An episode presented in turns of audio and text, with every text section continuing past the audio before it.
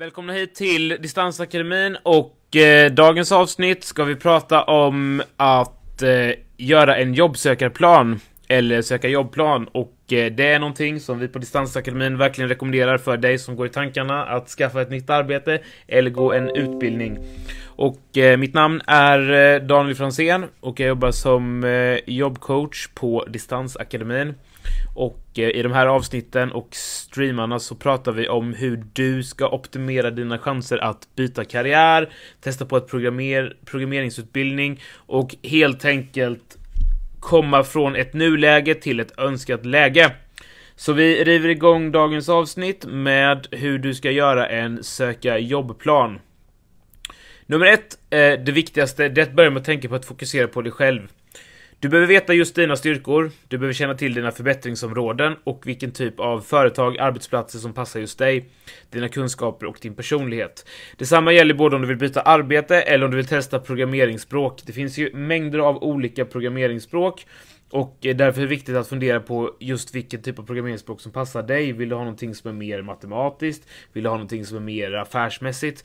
Det finns mängder av olika eh, språk och därför är det viktigt att fundera på hur du ska optimera chansen att skaffa någonting som just passar dig och din personlighet och kanske viktigast av allting här att det ska passa med det du faktiskt tycker är roligt för annars tror vi i alla fall att det blir otroligt svårt att engagera dig själv och motivera dig själv att gå till jobbet varje dag om du inte ens tycker att det är roligt.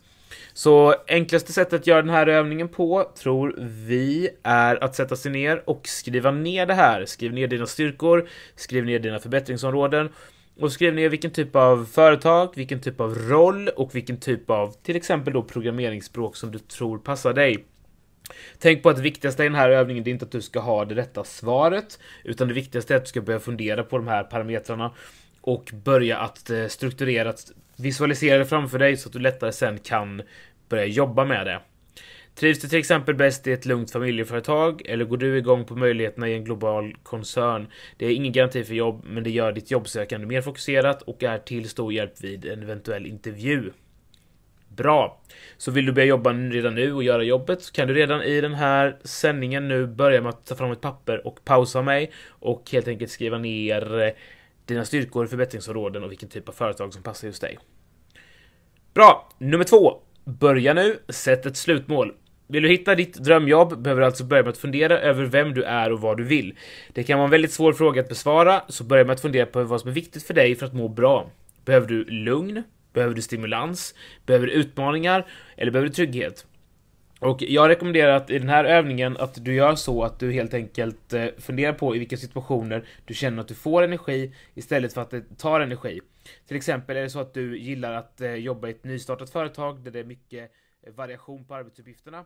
Då kan det vara så att du, du får energi och du får stimulans av att det händer olika saker och att du aldrig vet riktigt vad kommande vecka ska innebära eller vad som ska hända under kommande vecka. Eh, å andra sidan är det så att du gillar planering och framförhållning så kanske den miljön inte alls passar dig att du inte vet vad som händer nästa månad eller nästa vecka. Och då skulle till exempel ett större företag passa dig bättre. Så fundera på i vilken miljö du trivs, och i vilken miljö du får energi och i vilken miljö du vill arbeta.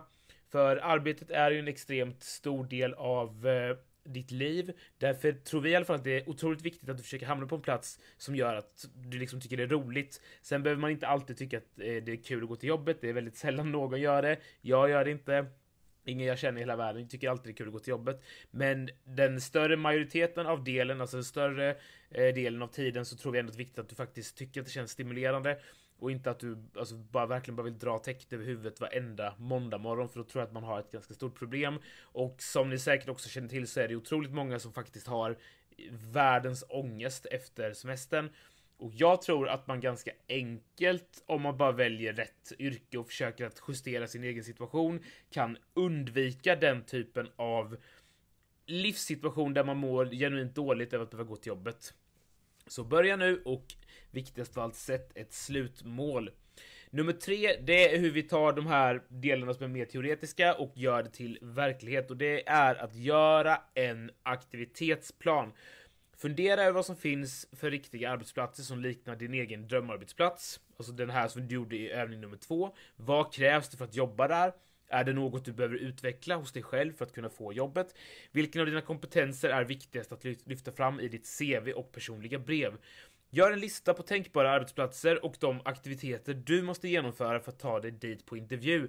Tänk på att hellre sätta många små mål än få stora. Poängen är att varje vecka ska kunna göra någon aktivitet som tar dig ett steg närmare ditt drömjobb. Skriv hellre skicka mail till företag X för att fråga om lediga tjänster och uppdatera mitt CV än komma på intervju till företag X för att sedan in dina aktiviteter i en enkel tidplan. Och det här är ju för att ofta som man ska söka ett nytt jobb eller söka en utbildning eller byta situation i livet så känns det väldigt oklart eh, hur man ska göra det. Man, man liksom, vad ska jag göra? Vad är nästa steg? Att göra en aktivitetsplan gör att det går från att det är oklart till att det blir extremt tydligt. Och eh, det var ju här vi pratade om i en annan eh, tidigare avsnitt. Det är då att sätta smarta mål. S-M-A-R-T, smarta mål. Och det står för att de ska vara specifika, Målen ska vara mätbara, målen ska vara accepterade, målen ska vara realistiska och målen ska vara tidsbestämda. Och det är precis den typen av mål vi ska sätta in i vår aktivitetsplan. Vi ska ha en lista där vi skriver ner aktiviteter som vi tror på, som vi tror är realistiska, som vi har gått med och gjort oss själva ansvarstagande för att vi ska genomföra. Accountability som vi pratat om jättemycket. Och vi ska även lägga in i schemat när vi ska göra det. För om man tänker så här, om du skriver ner en lista för dig själv, typ att jag ska titta igenom vilka företag det finns i området där jag bor som jag kan tänka mig att jobba på och du inte skriver en tidsplan på det, ja, då kommer det inte bli gjort, typ någon gång. För oftast om man inte har en tidsplan för någonting som man tycker är svårt eller känns svårt att få till så kommer det aldrig inträffa. Det kommer alltid i livet uppstå någonting annat som du känner är mer prioriterat än den här aktiviteten att göra det här otydliga målet. Så försök verkligen sätta målen och göra dem extremt tydliga och konkreta. Bra! Nummer fyra är att lära dig av dina misstag. Att söka arbete strukturerat innebär också att du ska utvärdera hur du söker jobb. Det här är liksom att söka arbete och söka jobb, det är ju en, en skill. Alltså det är ingenting som alla bara föds med, som man liksom får som en gåva när man föds, utan det är någonting som man kan träna upp och bli bättre på.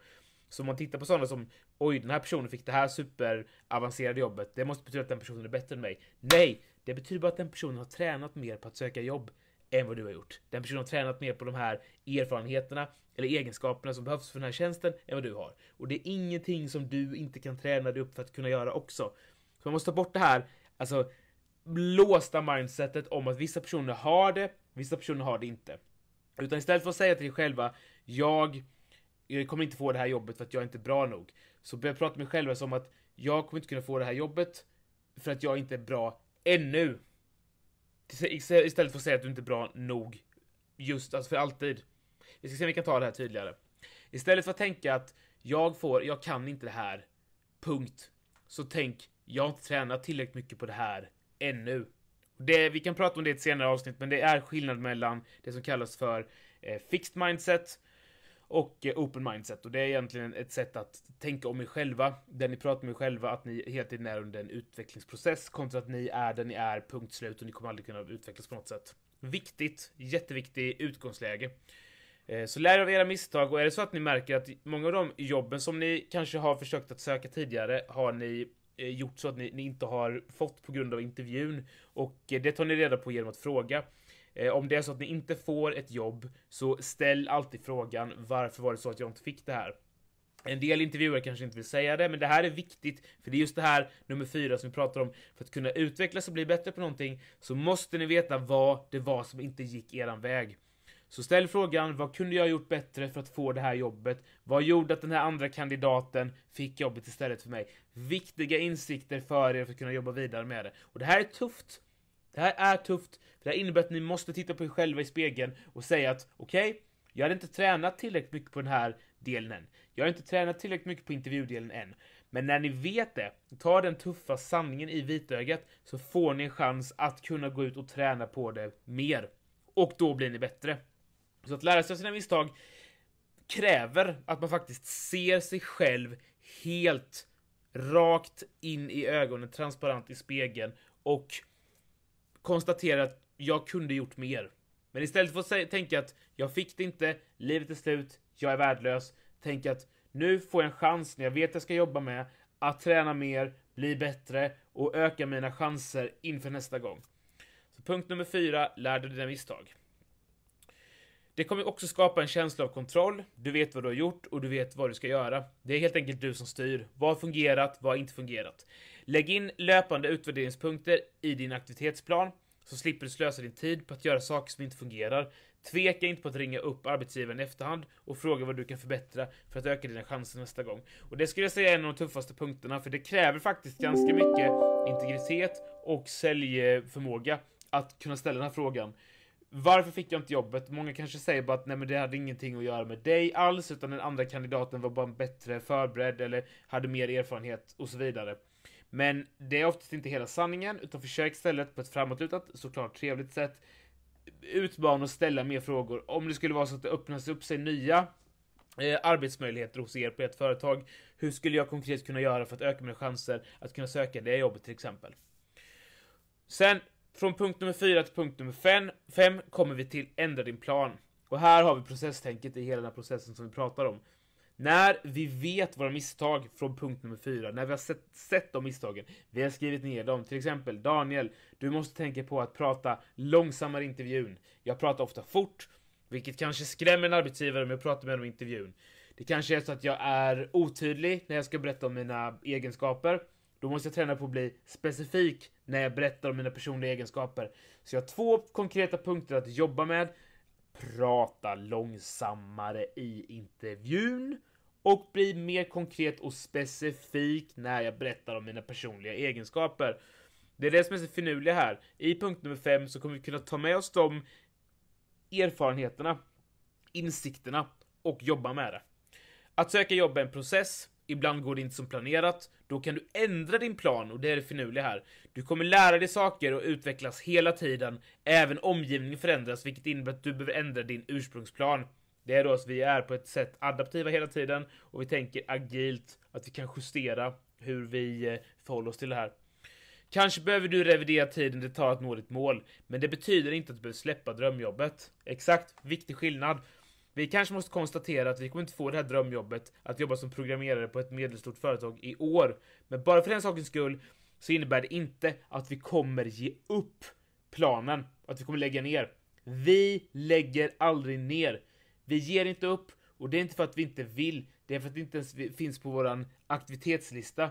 Vi vet inte vad det innebär att ge upp. Det enda vi vet är att göra om och förbättras. Det är nummer ett. Poängen med en plan är inte att krampaktigt hålla fast vid den, vad som än händer, utan tiden du lägger på att faktiskt fundera över vad du vill och vad du behöver göra för att komma dit. Okej, okay, där har vi dem. Fem punkter som vi kan ta och jobba vidare med direkt efter den här liven. Vi kan ta det och pausa liven just nu. Vi kan börja jobba med dem. Sammanfattningsvis kan man säga så här.